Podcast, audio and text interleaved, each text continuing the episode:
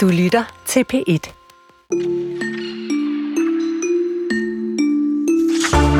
Talaire er en af landets største kunstmalere.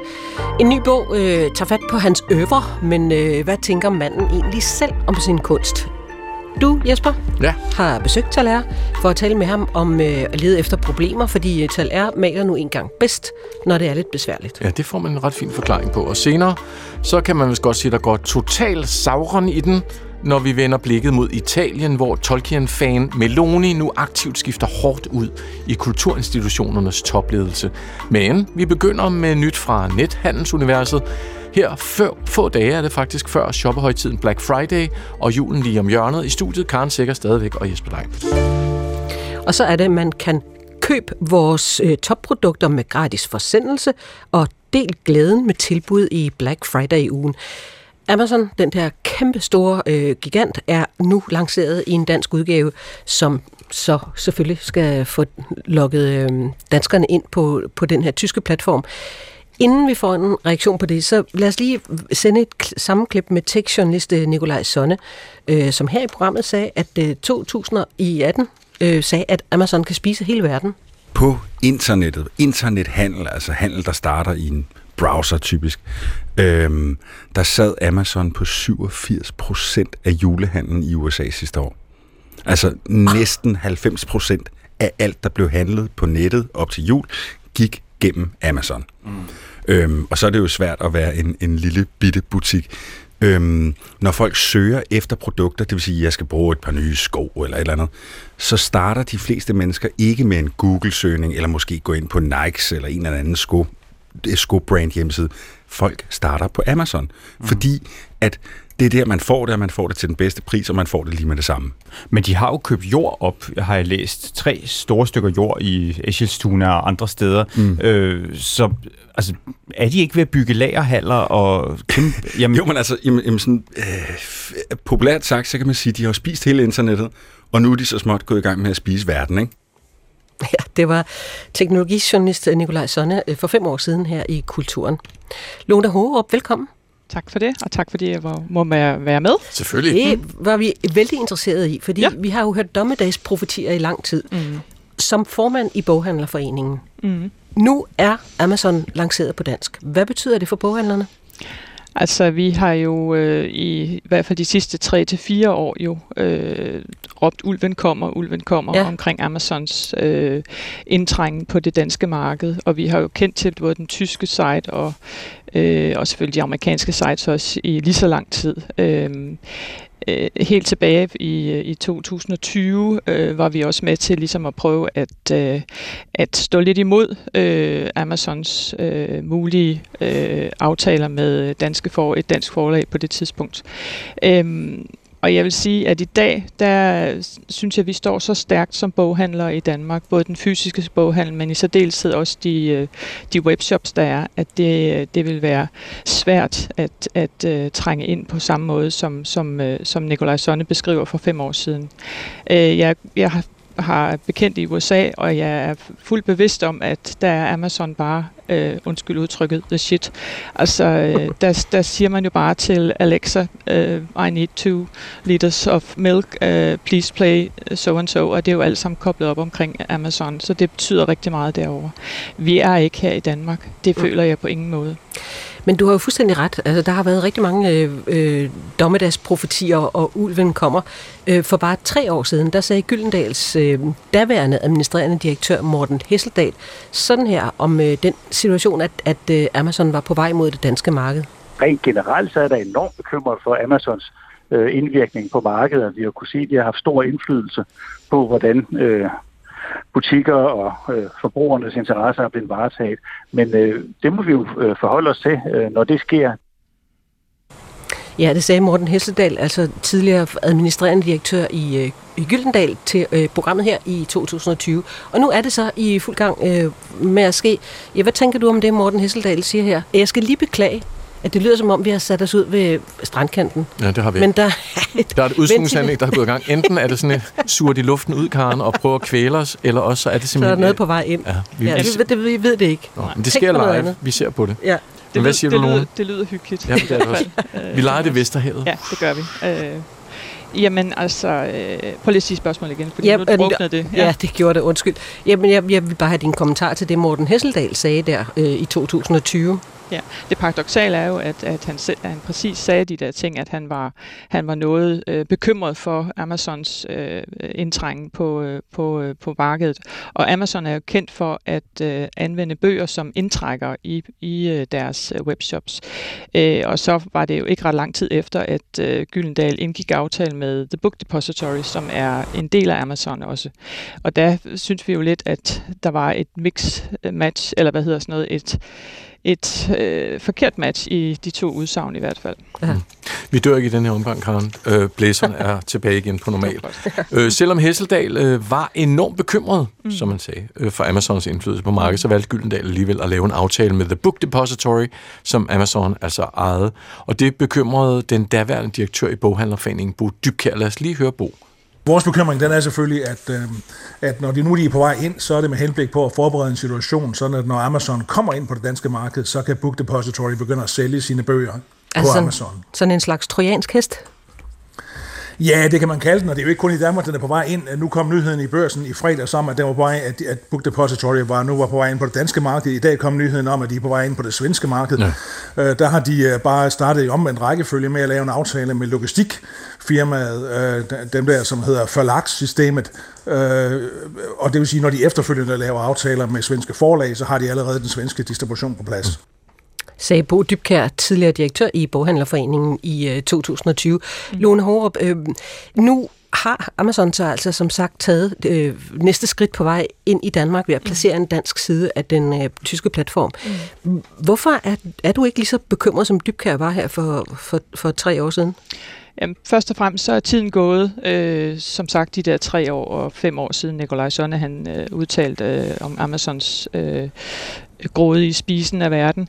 Øhm, øh, der er altså gået øh, tre år, hvor vi som øh, fysiske boghandlere og hvor øh, de øh, webshops, der findes, eller webshops, der findes i Danmark, som forhandler bøger, blandt andet Saxo og Bog og ID og andre, har et rigtig godt fundament at arbejde videre på. Øh, vi respekterer selvfølgelig Amazon rigtig meget for deres øh, måde at arbejde på, men i Danmark, der er vi et lille sprogområde. Øh, vores øh, øh bogudgivelser er jo også på et lille sprogområde, område. Øh, og jeg er helt sikker på, at øh, de gode samarbejdsrelationer, øh, vi har med de danske forlag, øh, at de er jo øh, udspringer jo også af, at vi, at vi øh, samarbejder omkring at sælge flest mulige bøger øh, til vores kunder. Mm. Og Lone, sådan på nettet de her dage op til Black mm. Friday og jul med, så kan jeg mærke, der er sådan, der er sådan en bevægelse måske også, at kunderne siger, hey, husk nu mm. den søde, lille, fine boghandler mm. nede på gågaden, ja. fordi ellers så ender det hele på nettet. At, mm. Kan du også mærke det, at, at kunderne er blevet sådan lidt mere lojale mm. over for den lokale handel? Ja, altså nu er jeg boghandler i en lille by øh, med 8.000 indbyggere, ja. så, så jeg, jeg er super lokal, og jeg har super lojale kunder, og det er jo fantastisk at, at være vidne til. Men jeg er selvfølgelig heller ikke så bløjet, at jeg ikke, eller brunøjet, at jeg ikke også ved, at, at, hvad hedder det, at de unge mennesker, altså dem, der er øh, mit, mit barns alder øh, og yngre, de har jo en anden købsadfærd, og vil også øh, udtrykke deres købsadfærd på anden vis øh, i fremtiden tiden. Så, så, og jeg er jo nået den alder, hvor at jeg, jeg selvfølgelig håber på, at vores boghandler bliver ved med at være her. Fordi vi er så vigtig en brik i de små lokalsamfund, og også de lidt større lokalsamfund. Vi er så vigtige for at kunne udbrede den, øh, den danske litteratur og øh, oversat litteratur. Vi er så vigtige for at øh, være et sted, hvor man kan, øh, kan mødes og, og tale om, om, om dansk litteratur og om, og om bøger i det hele taget. Vi har jo en krise i øjeblikket i forhold til børn og unges læsning. Det har I jo også selv øh, hvad hedder det, debatteret nogle gange. Jeg lytter jævnligt til kulturen på B1, må jeg så sige. Jeg er stor fan. øhm, men der er jo krise både i den sammenhæng, at der er krise i, i forhold til skærmforbrug og alle de her ting. Og vi har jo et af vores allerstørste projekter i løbet af året, det er jo vores verdensbogbog, hvor vi forærer en fysisk, altså en papirsbog, væk til 35.000 børn og unge. Og det er jo for også at skabe opmærksom, opmærksomhed omkring den printede bog, og hvad den kan, og hvad det betyder for dig som menneske at sidde og, ja. og læse sin bog. Ja. Så jeg tænker, det der med det lokale fundament, og det der stærke fundament, der er øh, og skal opbygges, det er rigtig vigtigt, og det, og det fornemmer vi også hos kunderne, at det synes de også er vigtigt. Ja. Der har jo været mange stemmer, øh, og er mange stemmer i den her øh, debat. Du skal mm. lige, og lytterne, høre Marianne Lyngby Petersen, som er administrerende direktør i Bog- og ID-kæden, og hun mener, at man skal have respekt for Amazon, og det sagde hun til vores kollega Natasha Jarsi øh, tidligere i dag. Amazon er en meget, meget stor, meget, meget dygtig Øh, e-handelsplatform, og øhm, de har rigtig mange penge, de vil investere, når de, går ind i, i, når de går ind i nye markeder. Det, og, og hvad jeg mener med det, det er, de vil gerne køre med underskud længe for at tage et marked, så man er op og slås mod en, øh, en, en meget stor, kapitalstærk spiller, der gerne vil give underskud i lang tid. Så det er bare lige præmissen, når man ved, man skal til at øh, slås med Amazon, så er det, så er det sådan en mastodont, man, man, man slås med. Så man skal have respekt for Amazon. Øhm, jeg tror så også, at øh, vi i Borg og ID har et meget stærkt værditilbud til vores kunder, som øh, jeg faktisk tror, Amazon får svært ved at gå head on head i konkurrence med sagde altså Marianne Lyngby Petersen, administrerende direktør i Bog- og ID-kæden. Øh, kæden. Øh, Lone Hårup, bestyrelsesformand i Boghandlerforeningen. Altså, er du enig Øh, med hende i, i de her analyser, hun har. Mm. Ja, det, altså, altså ja, jeg er meget enig med Marianne i, i det, hun siger. Ja, og jeg, som, som jeg sagde før, så ja. skal vi også have respekt for så stor en spiller som Amazon.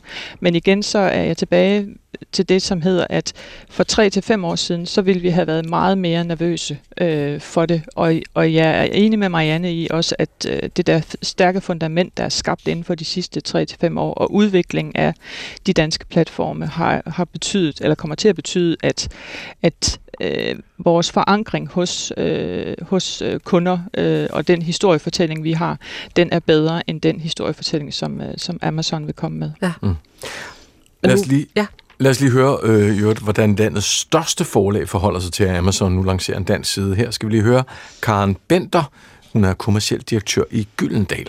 Det bliver rigtig øh, interessant at følge denne her lancering.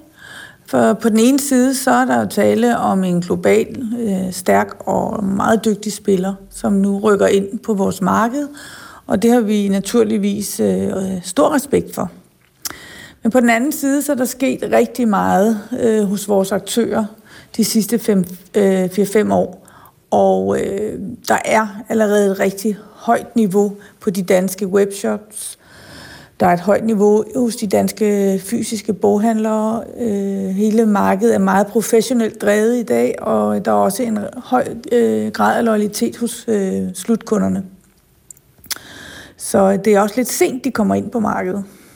Ja, lad os lige høre, hvad tidligere administrerende direktør i Gyldendal, Morten Hesseldal, sagde til os tilbage i 2020 om et Amazon, der var på vej mod Danmark. Om vi indgår en aftale med Amazon, det må vi jo se på til den tid. Men lige nu, så er der jo ikke noget, der minder om monopol på øh, netbogshandlen. Øh, der er mange aktører der. Det er sted i virkeligheden, hvor der er mest optræk til monopol, det er den fysiske boghandel, hvor man kan sige, at efter at Arnold Busk er lukket, så er butikkerne overtaget af en og den samme kæde. Men lige mm. præcis når det handler om netbutikker, så er der en uh, ideel uh, konkurrencesituation. Hvordan ser det ud her tre år senere? Uh, er Gyldendal klar til at indgå en aftale med Amazon? Øh, altså, der, der får jeg næsten lyst til at gentage, øh, øh, hvad der er blevet sagt øh, af Morten Hesseldal. Altså, det må tiden jo vise. Men er der noget, der har ændret sig siden dengang? Markedet er blevet mere professionelt. Der er, er virkelig nogle dygtige øh, aktører på det danske marked. Øh, så hvordan de vil klare sig, det er, en, det, øh, det er jo en sag. Om vi indgår en aftale, det kommer an på mange ting. Og hvilke overvejelser er det, I vil gøre jer i, altså hvis I står over for en, en beslutning om at indgå en aftale? Jamen altså, som udgangspunkt så indgår vi jo aftaler med, med øh, potentielle samarbejdspartnere, øh, men det skal jo selvfølgelig være på, på betingelser, som der er interessante for os at indgå dem på. Og det er jo der, hvor de godt kan blive udfordret i vores marked i, i dag, fordi at de, øh, altså de skal jo kunne gøre det bedre end de aktører, der er her allerede. Og det kan være måske lidt svært at se sagde Karen Bender, kommersiel direktør i Gyldendal, til øh, Natasha Jarsi. Lone Hårup, øhm, som bestyrelsesformand i Boghandlerforeningen, hvad siger du så til det? Altså det her med, at Gyldendal vil ikke afvise, at de indgår en aftale med Amazon på et eller andet tidspunkt? Altså det, det, det vil jeg ikke sige så meget til. Jeg vil hellere øh, holde lidt mere fast i det, som hun også siger, som jeg synes er ret meget mere vigtigt, at øh, vores øh, branche øh, arbejder ud fra et meget et stærkere, og mere professionelt øh, øh, sigte, og at vi som, øh, som både fysiske boghandlere og også som øh, øh, netboghandlere er blevet så meget stærkere og mere professionelle i vores, øh, i vores arbejde i dag. Og det kan vi også, øh, det kan vi også fornemme, øh, også i den forstand, at vi jo øh, er med til at, at spære, sætte vores præg på boghandleruddannelsen, således at de øh, boghandlere, som kommer ud i butikkerne, de er både rigtig dygtige som salgsassistenter, men de har også en branche, et branchekendskab og et øh, kendskab til bøger. Og og det er altså ikke noget, du, øh, du kan købe dig til på Amazon øh, på samme måde. Tak skal du have. Velbekomme, og tak fordi jeg måtte være med. Fornøjelse. Øh, Lone Hårup, forperson og bestyrelsesformand i Boghandlerforeningen. Dengang i 1990'erne, der var malekunst ikke lige det, der var smart og trendy inde på det kongelige kunstakademi. Dengang der ville de kreative lave performance. Der skulle være videokunst, billedkunst, det var sådan lidt old school. Men en elev holdt fast i den der pensel, og farven og lærredet og træpladerne. Navnet var Tal Rosenzweig. Tal er. Og netop nu bliver hans karriere gennemtrålet og udstillet i en øh, ny, meget stor coffee table book, øh, skrevet af Pernille Albrechtsen, som vi havde besøg af i sidste uge. Men hvad tænker Tal er selv om sin kunst, og farverne og omgivelserne, reaktioner og meningen, ja, lidt med det hele. Jeg tog i øh, går morges, mandag morgen, ja ja, ind for at mødes med Taler selv i hans værksted og atelier inde midt i København. Hunden Basse er den første, der løber mig i møde. Den smilende ejer Tusnelda følger efter – hun arbejder for Tal R i hans værksted her, hans atelier i et baghus midt i København. Og der står paradis på dørtelefonen og på et stort skilt over porten. Og engang var der trykkeri herinde, men i dag er de tunge valser og trykkemaskiner rykket ud, og kunstneren Tal R ind. Altså et atelier minder jo lidt om en, en hjerne. Det er et utroligt privat sted, forstået på den måde, at det, det er ikke et sted, hvor, man, hvor jeg udstiller ting. Jeg sætter ting op, jeg lægger det på gulvet, jeg vender det rundt, maler det over, og behandler det stort set, som man behandler tanker inde i sit hoved. Og jeg prøver, og jeg har også folk til at hjælpe mig med at holde det rimelig struktureret her. Der er et hjørne, hvor min far på, ja, jeg tror sgu, han er efterhånden 86 sommer, han sidder og hjælper mig med at skære i træ, der er et rum inde bagved, hvor jeg laver ting gips, fordi det støver værre end kokain. Og så er der et andet rum, hvor jeg går og maler og tegner i øjeblikket, og hvor der hænger nogle meget høje billeder, der er, hvad man kan sige, mildest talt ude af form. Det vil sige, det er ikke kvadrater. Hvilket er noget, jeg hader.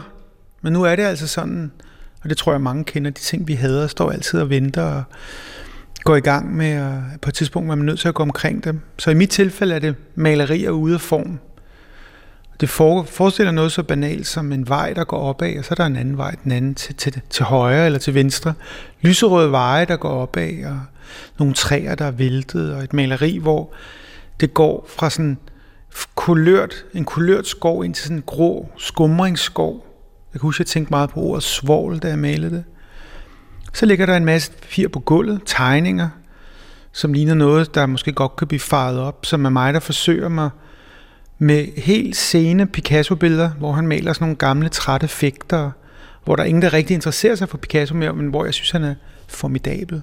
Altså kopier af Picasso, eller skitser, hvad er det? Jeg vil ønske, det var kopier, men det er egentlig mere mig, der prøver at snige mig ind i hans sted, det er noget, maler og billedkunstner har gjort til alle tider. Det er ligesom prøve at snige sig ind i en anden kunstnerdiskussion, og så prøve at, at vende og dreje sig derinde og se, hvad man kan gøre.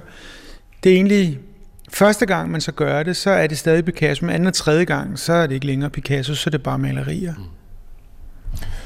Lad os prøve at gå på det der billede. Hvad, hvad for net af det, du hvad arbejder du på alle sammen på én gang? Når er der, hvad Nej, det gør jeg ikke. Jeg, jeg, jeg, laver, jeg laver altid ting færdig, en ting ad gangen. Man kan se her på gulvet ligger der en samling af, jeg tror, små 21 tegninger, som er til en udstilling, der skal være i New York i januar, hvor jeg prøver at lægge forskellige ting op og finde ud af her i sidste øjeblik, hvad vej jeg skal gå. Det er en udstilling med papirarbejde, sammen med en anden kunstner, der hedder David Trickley. Øhm, så på væggene hænger der malerier, som jeg skal prøve at få færdig til marts, der skal udstilles i Berlin. Måske lader du mærke til, at Tal R sagde sådan her om sine egne lærere. Hvilket er noget, jeg hader. Men nu er det altså sådan. Men hvorfor kaster han sig frivilligt ud i den slags ubehageligheder? Der er to ting at sige omkring det. Jeg tror, mere ting, der er ubehagelige, er mere, sætter mere noget i gang, er mere billedskabende end måske det, man kan, og det, man behager. Behag, ting, der behager en, er også godt. Det skaber en anden type spor i billederne, ting, man er glad for, og man nyder. Og der er bestemt også ting, jeg nyder i de her malerier, men det er tit, det kan være en god start at sætte et, det, der så populært kaldes et benspænd op for sig selv, som for eksempel en farve, man ikke bryder sig om, fordi det er alligevel en relativ overfladisk ting, især for en maler, farve du kan lide. Man skal kun være glad for, at man stadig kan have de følelser, for efter at have beskæftiget sig så mange år med farver, så begynder det langsomt at ophøre. Altså, det er interessant, at en, en supermaler som Pierre Kiby, han sagde engang, at han kunne male mørk med leverpostej. Og der er sådan en vis pointe i det, at hvis du spørger en, jeg vil gætte på, hvis du spørger en violinist, om han er bange for at spille falsk, og hvad han interesserer sig for toner, så kigger han også sådan uforstående på det, fordi toner, hvad, med, hvad farver er for en maler, det er sådan set bare midler til at, at fortælle helt andre ting. Du er nødt til at have faktisk farver som sekundært, selvom det er det, der bliver primært for beskueren. Du kan ikke have farver som det første, hvis du vil lave et super godt maleri. Er det fordi, hvis du tænker for meget over farverne, så bliver det forudsigeligt? Jamen, de skal sådan set bare være noget, der trækkes med af en idé. Stadigvæk så er kunst utrolig idé- og oplevelsesdrevet. Der er noget, der driver dig, en vision, en tanke, noget du har set. Det driver dig afsted. Det er det, der rækker ud efter farver. Du skal ikke som maler havne et sted, hvor du siger, uh, hvad for en farve har jeg lyst til at bruge her? Så er du faktisk allerede på Bambi på glat is.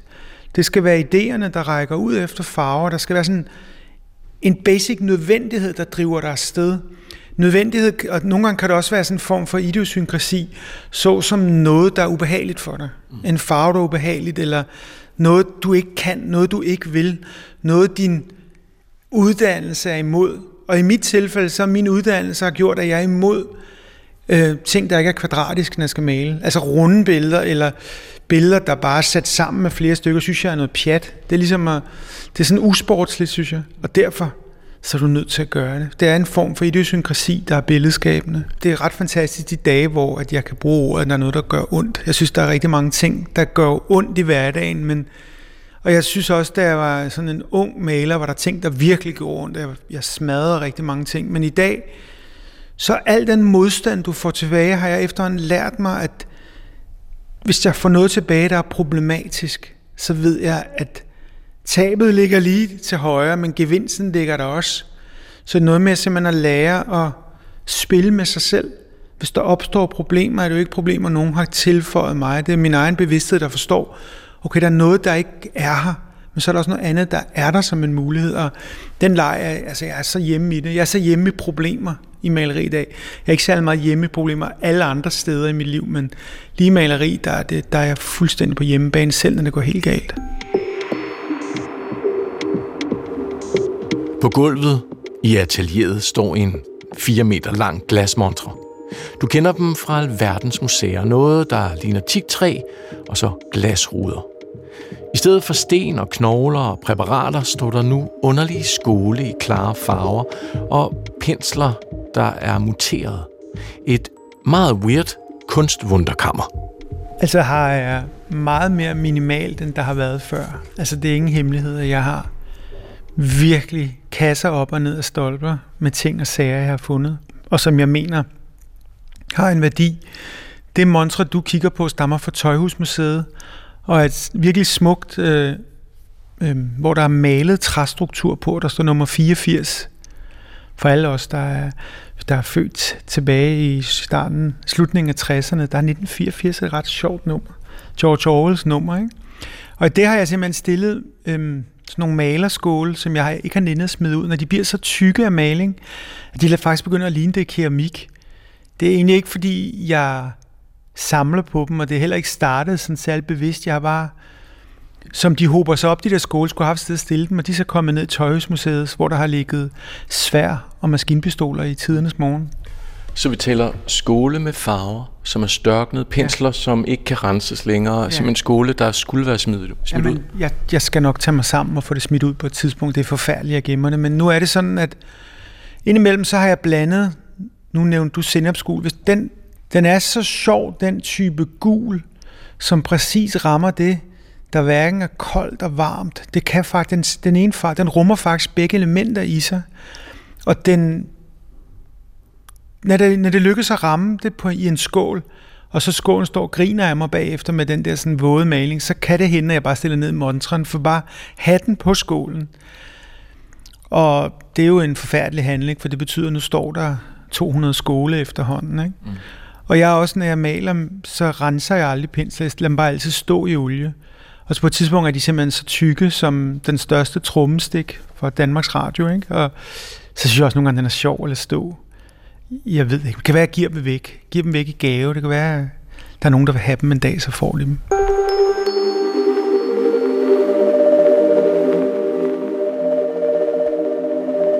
Netop nu er Tal R hovedperson i Pernille Albrechtsens bogværk om små hverdagsfortællinger i store formater.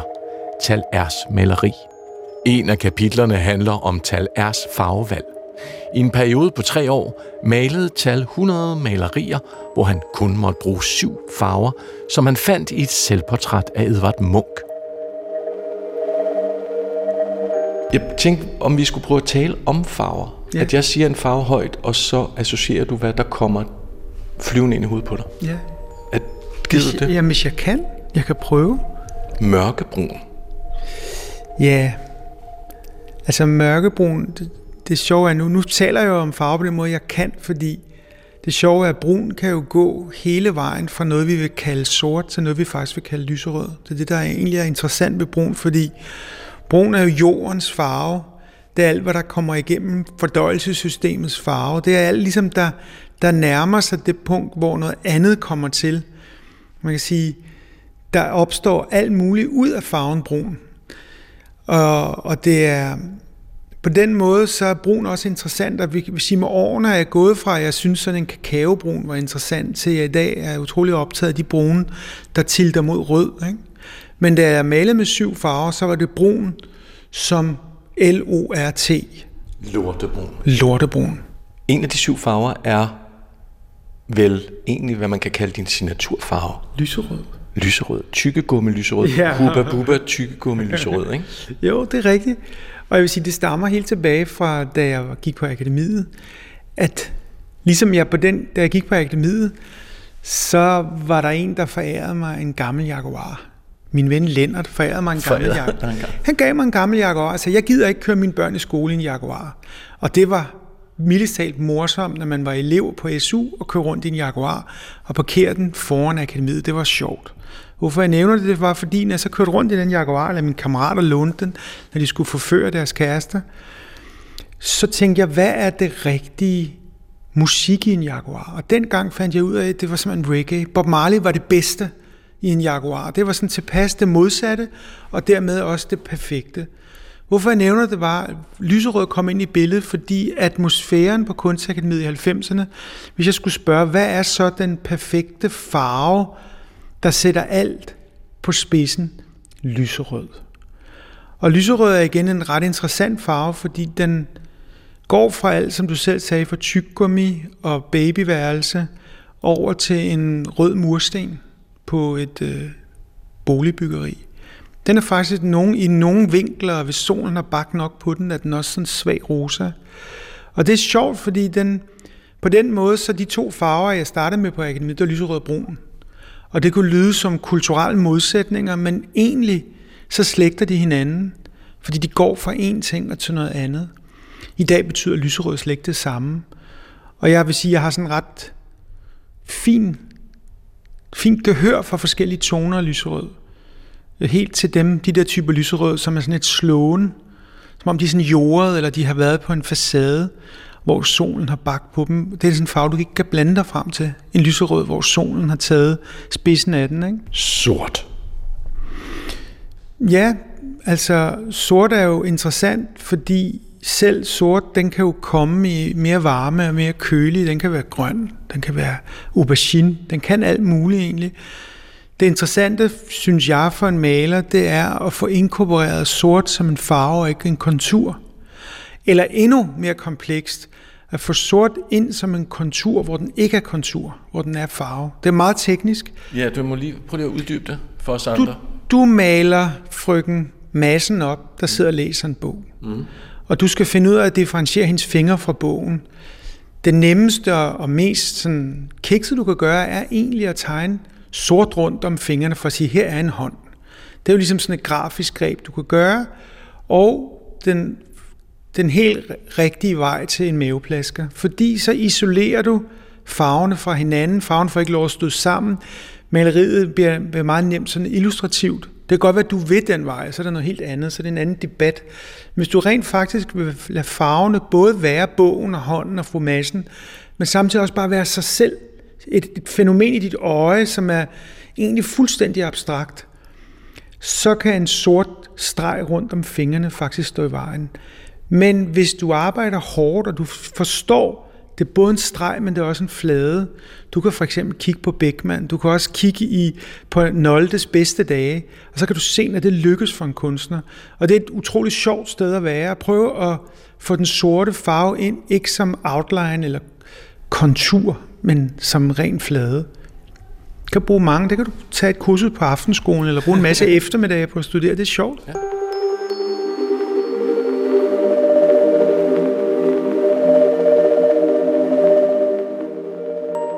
Thaler har siden sin studietid i 1990'erne været ekstremt optaget af aldrig at stå stille.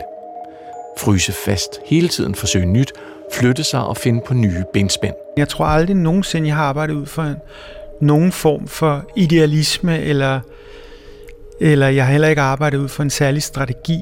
Jeg tror nærmere, jeg har løbet i starten fra min egen hale. Det vil sige, lavet ting, hvor jeg tænker, ah, det var alligevel ikke helt godt nok. Nu gør jeg noget andet.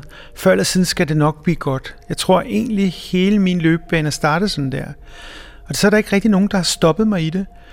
Og det betyder, at hvis du løber for din egen hale i så mange år, så langsomt er det ikke længere at løbe for sin egen hale. Så bliver det sin egen kultur. Så bliver det din måde, det bliver din vej. Og på et tidspunkt begynder den vej også at kigge på dig, og folk spørger til dig, så ligesom du spørger, sådan, hvorfor gør du det sådan? Og jeg vil sige, de år, jeg underviste, der har jeg sagt til mine elever, lad være med at gøre det sådan der. Altså prøv at holde dig til en ting. Prøv at blive i en type billeder, indtil du ikke kan det længere. Jeg tror, jeg har haft en virkelig stor appetit, og jeg tror, jeg har altid arbejdet på den måde, der altid stod stået og ventet noget, ventet noget, ventet noget på mig i kulissen. Et eller andet. Jeg kan huske, at jeg omkring 2009, der var jeg kommet til et tidspunkt, hvor jeg kunne se, at malerierne gik ud af en vej. Det var efter, jeg havde malet nogle billeder af, af, nogle strande på Sicilien, hvor der var sådan en masse sten og bølgerne malede, og jeg kunne se, om okay, hvis jeg bliver ved at gå ud af den her vej, så ender mine malerier bare med at blive sådan nogle zigzag-mønstre og, og prikker og streger. Og jeg kunne, jeg kunne faktisk føle, at jeg var naturligt på vej mod det.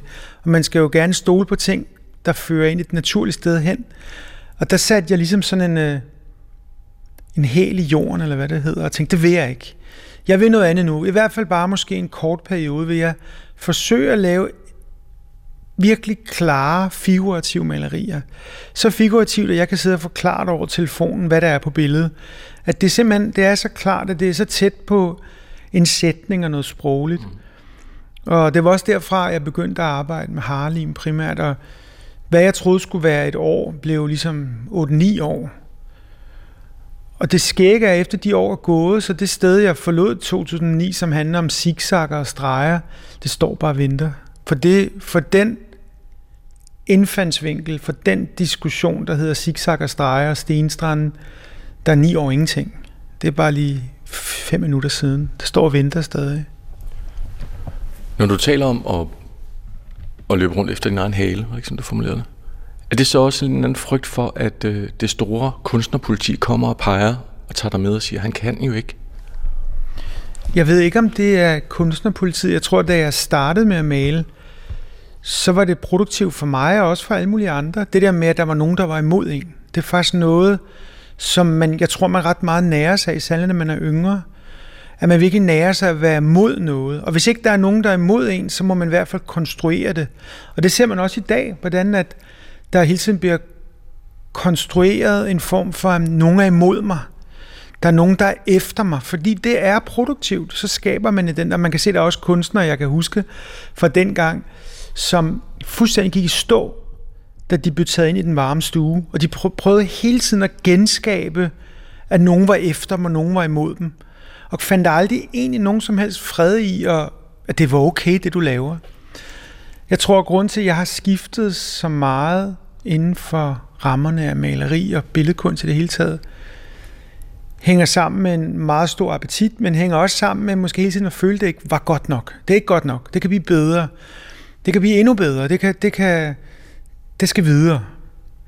Men ikke sådan specielt sådan idealistisk, eller fordi jeg var et godt menneske, og jeg var, jeg var også så højt ravne. Jeg derfor jeg synes, det er nemmere for mig at sige, at jeg løb for min egen hale. Ikke?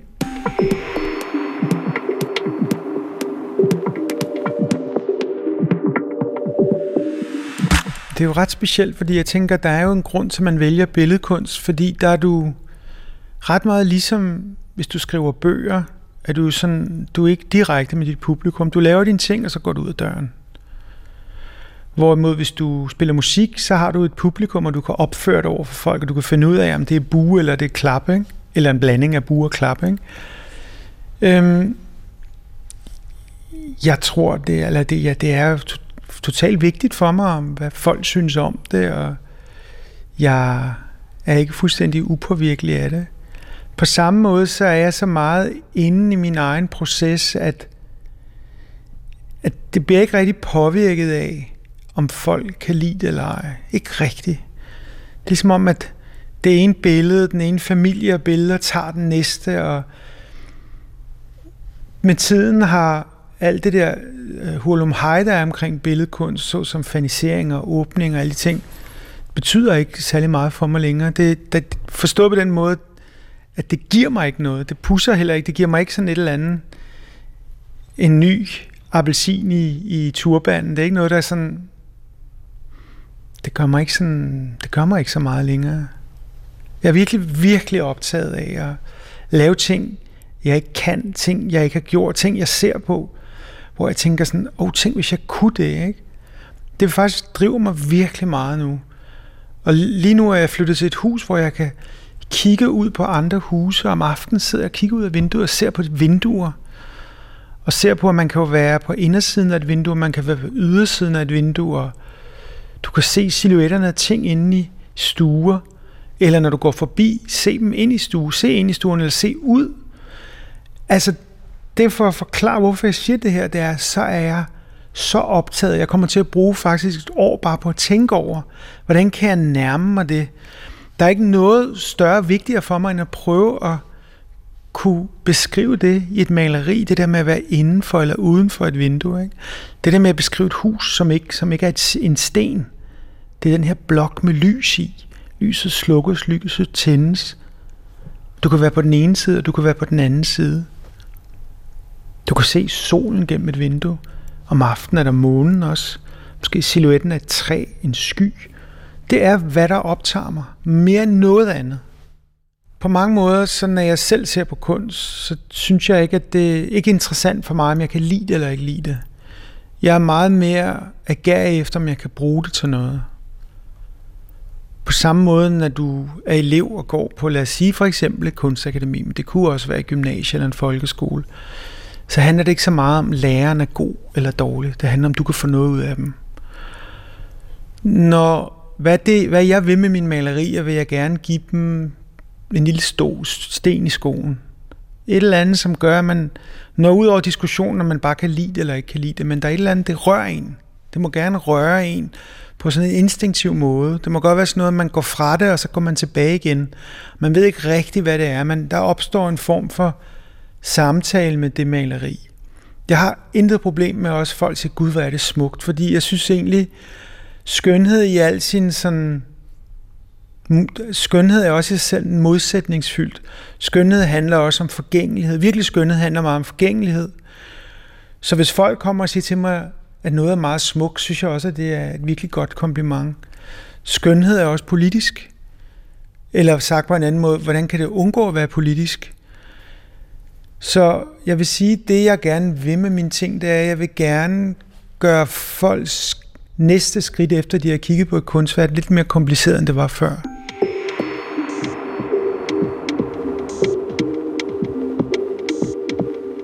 Det er mandag morgen i Talers atelier, og bassehunden er faldet i dyb søvn nu på sit lille tæppe. Jeg dribler hjemad mod DR-byen, og Tal, ja han tegner videre. De fleste dage, hvor jeg er i atelieret, der har jeg en helt klar plan med, hvad jeg skal gå ind i og arbejde med. Det betyder ikke, at det er hver dag er en bageopskrift, men hver dag er der en særlig type arbejde, jeg går ind og beskæftiger mig med. I dag handler det om nogle tegninger, som jeg har haft har gang i, hvor jeg skal prøve ligesom at jeg vil gerne prøve at tegne en færdig. Jeg efterlod fredags. Jeg kan faktisk ikke lide at efterlade særligt ikke tegninger fra en dag til den anden, fordi jeg kan godt lide at gøre det færdigt. Tegning kan jeg godt lide at gøre færdig i et, eller i, i et stræk, ikke at efterlade dem. Så det, nu skal jeg ligesom prøve at se, om jeg kan samle op på en tegning, som forestiller sådan en ule med vingerne ud af et bur, og jeg husker også, der er sådan nogle de der, jeg kan ikke huske om blomsterne, men det er sådan nogle, ligner sådan nogle små kinesiske lanterner, er også på billedet. Måske er der også en maske, der hænger bagved. Jeg skal lige have det til at falde på plads der, så jeg kan arbejde videre på det. Og det fortalte altså Tal er, der arbejder på en ny udstilling, som kommer en gang til foråret, og ellers så er han aktuelt som hovedperson i en ny stor kunstbog af Pernille Albrechtsen.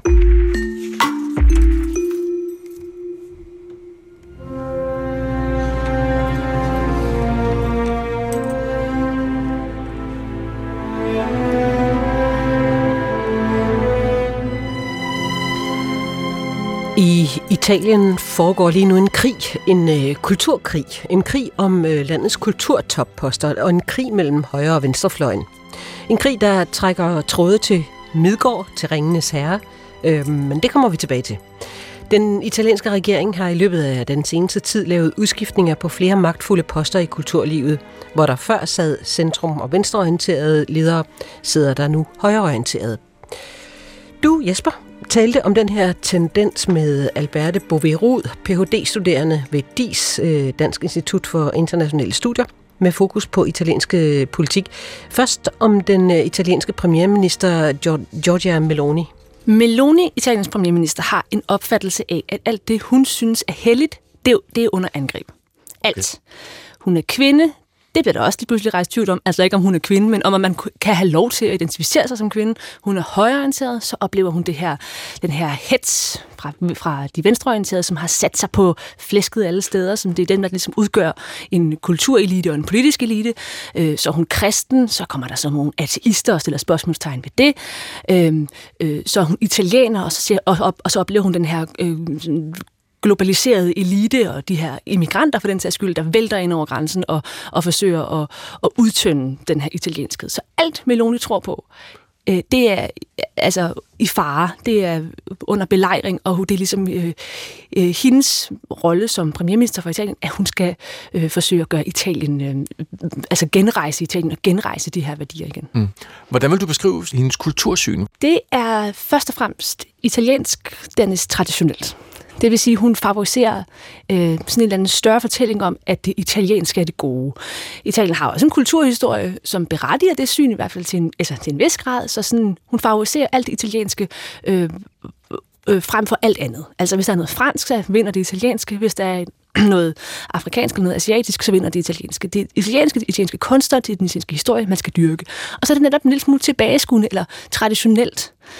Så modernitet, det er noget, som hun anser som ikke italiensk. Altså det er sådan noget, der kommer væltende ind over grænsen med deres hippie idéer og øh, vil påvirke italiensk kultur.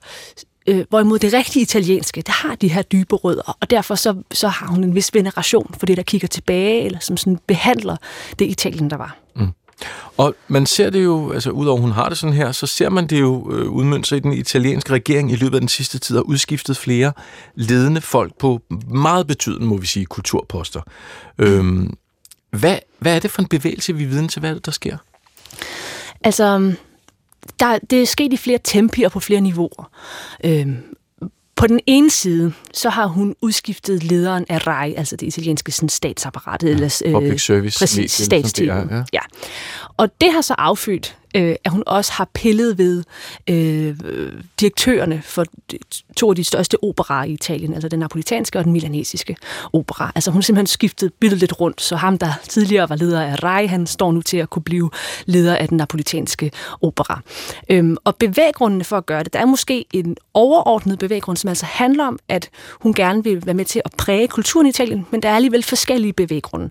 Hvis vi starter med at kigge på de der operadirektører, mm. så handler det om, øh, at de er franske. Og hun vil gerne have, at det er italienere, der definerer italiensk kultur.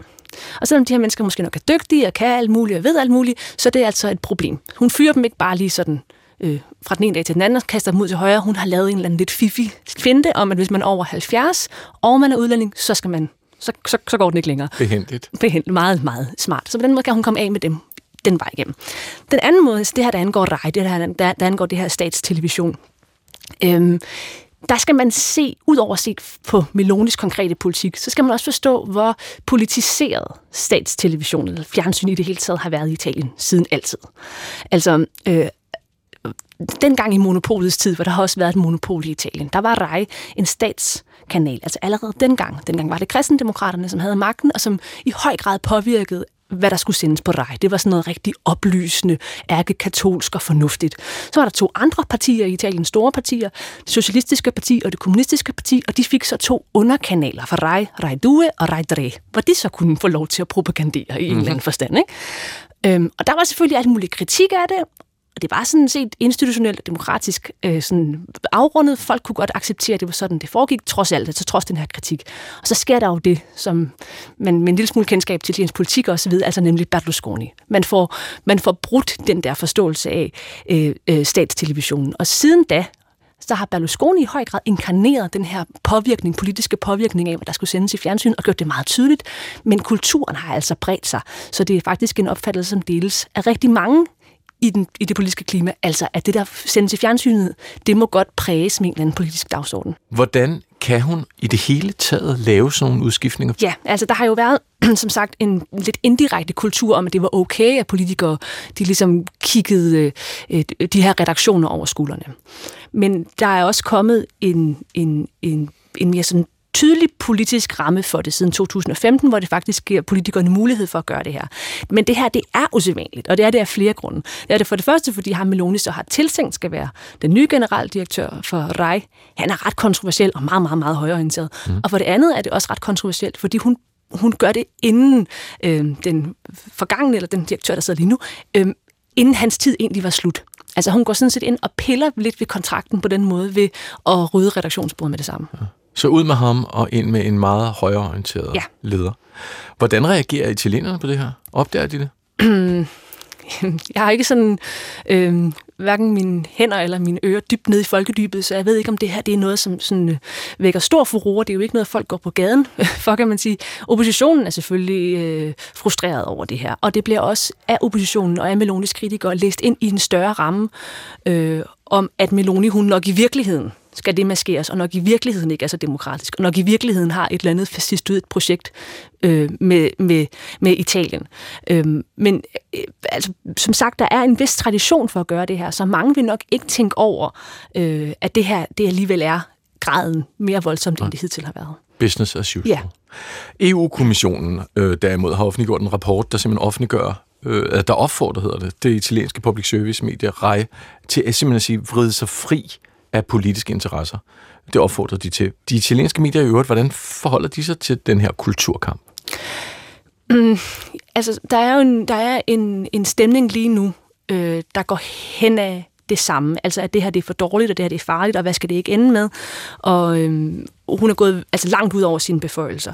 Og samtidig så øh, har EU også lavet undersøgelser af af italienske medier i mange, mange år, hvor det gang på gang vurderes, at italienske medier de ikke er så frie som så mange andre europæiske øh, medier. Altså selvom Italien er demokrati, så halter det altså med den her journalistiske frihed. Der bliver ligesom øh, kigget efter i sømne. Og der er mange af de her øh, skræmmehistorier, som stammer fra Berlusconis tid, hvor han jo havde en kæmpe magt, ud, både ud over sine egne kanaler, men også ud over Rai for eksempel.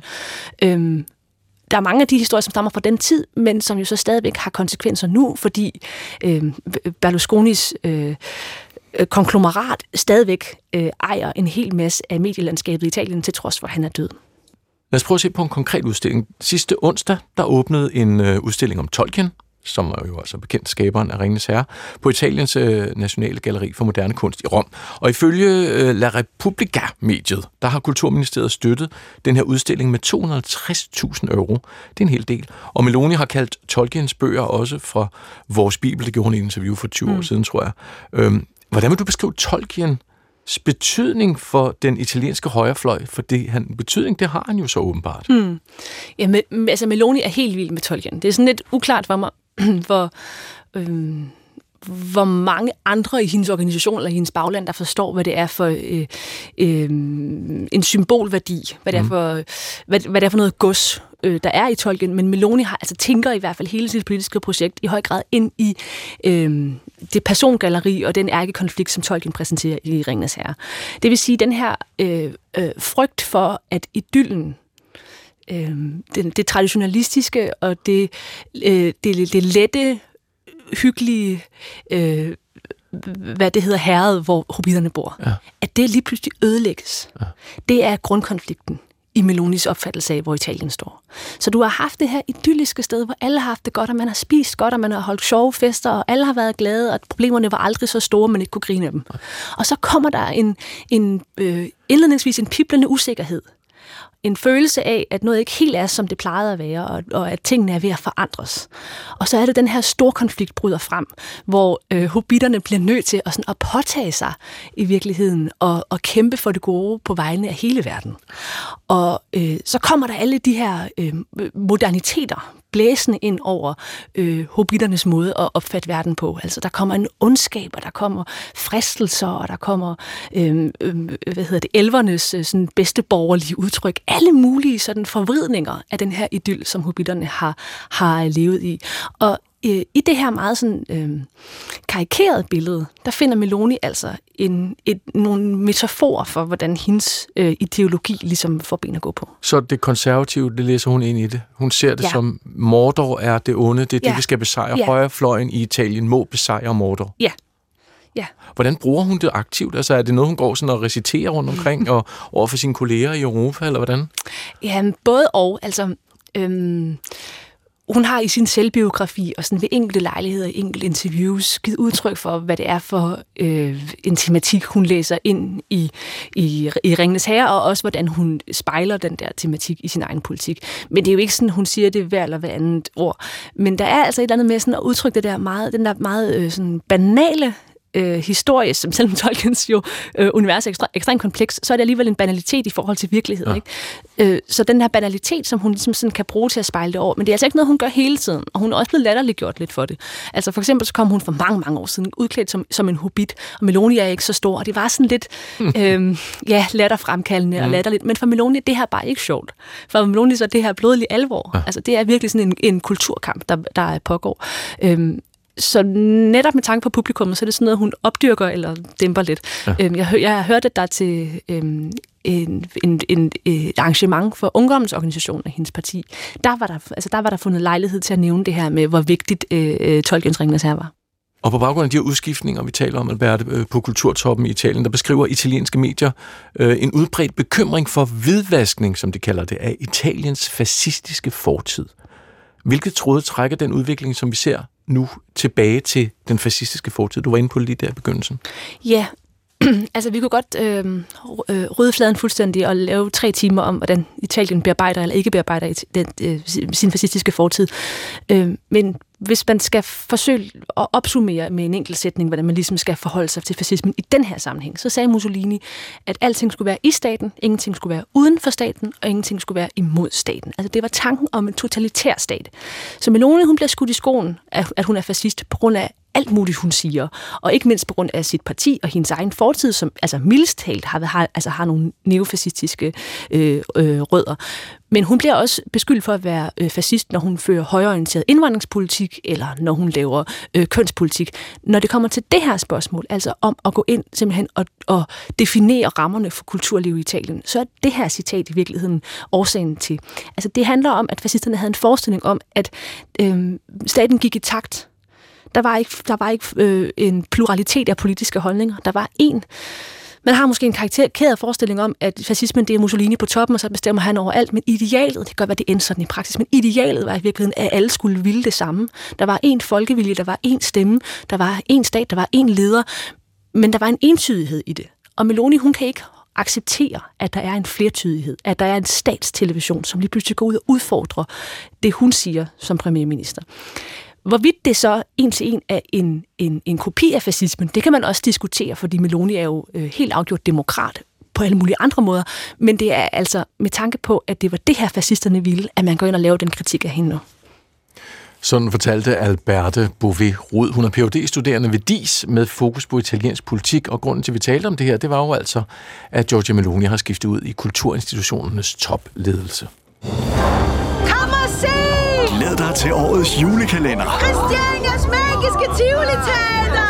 15 minutter til forestillingen. Kan du trylle? Ja, selvfølgelig kan jeg trylle, for jeg er den lille Lucini. Husejeren har givet os en ny kontrakt på teateret. Her står der, at vi skal betale alt, hvad vi skylder inden juleaften. Hvis ikke, så tror hun med at smide os på gaden. Er det hende, den anden dame? Ja, det er jo synd. Men vi må nok bare holde os til kontrakten. Vi blæser på jeres penge, vi ejer knap nok selv, for vi har jo hinanden. Det magiske Tivoli Teater. Vores venner, det er alt. Fra 1. december på DR1 og DRTV. Er det allerede? Ja, det er det. Og øh, det her, det var kulturen. Det var tirsdag, Karen Sikker og Jesper Dein stod i studiet. Kasper Dyrholm tog sig produktionen. Ha' det godt. Gå på opdagelse i alle DR's podcast og radioprogrammer. I appen DR Lyd.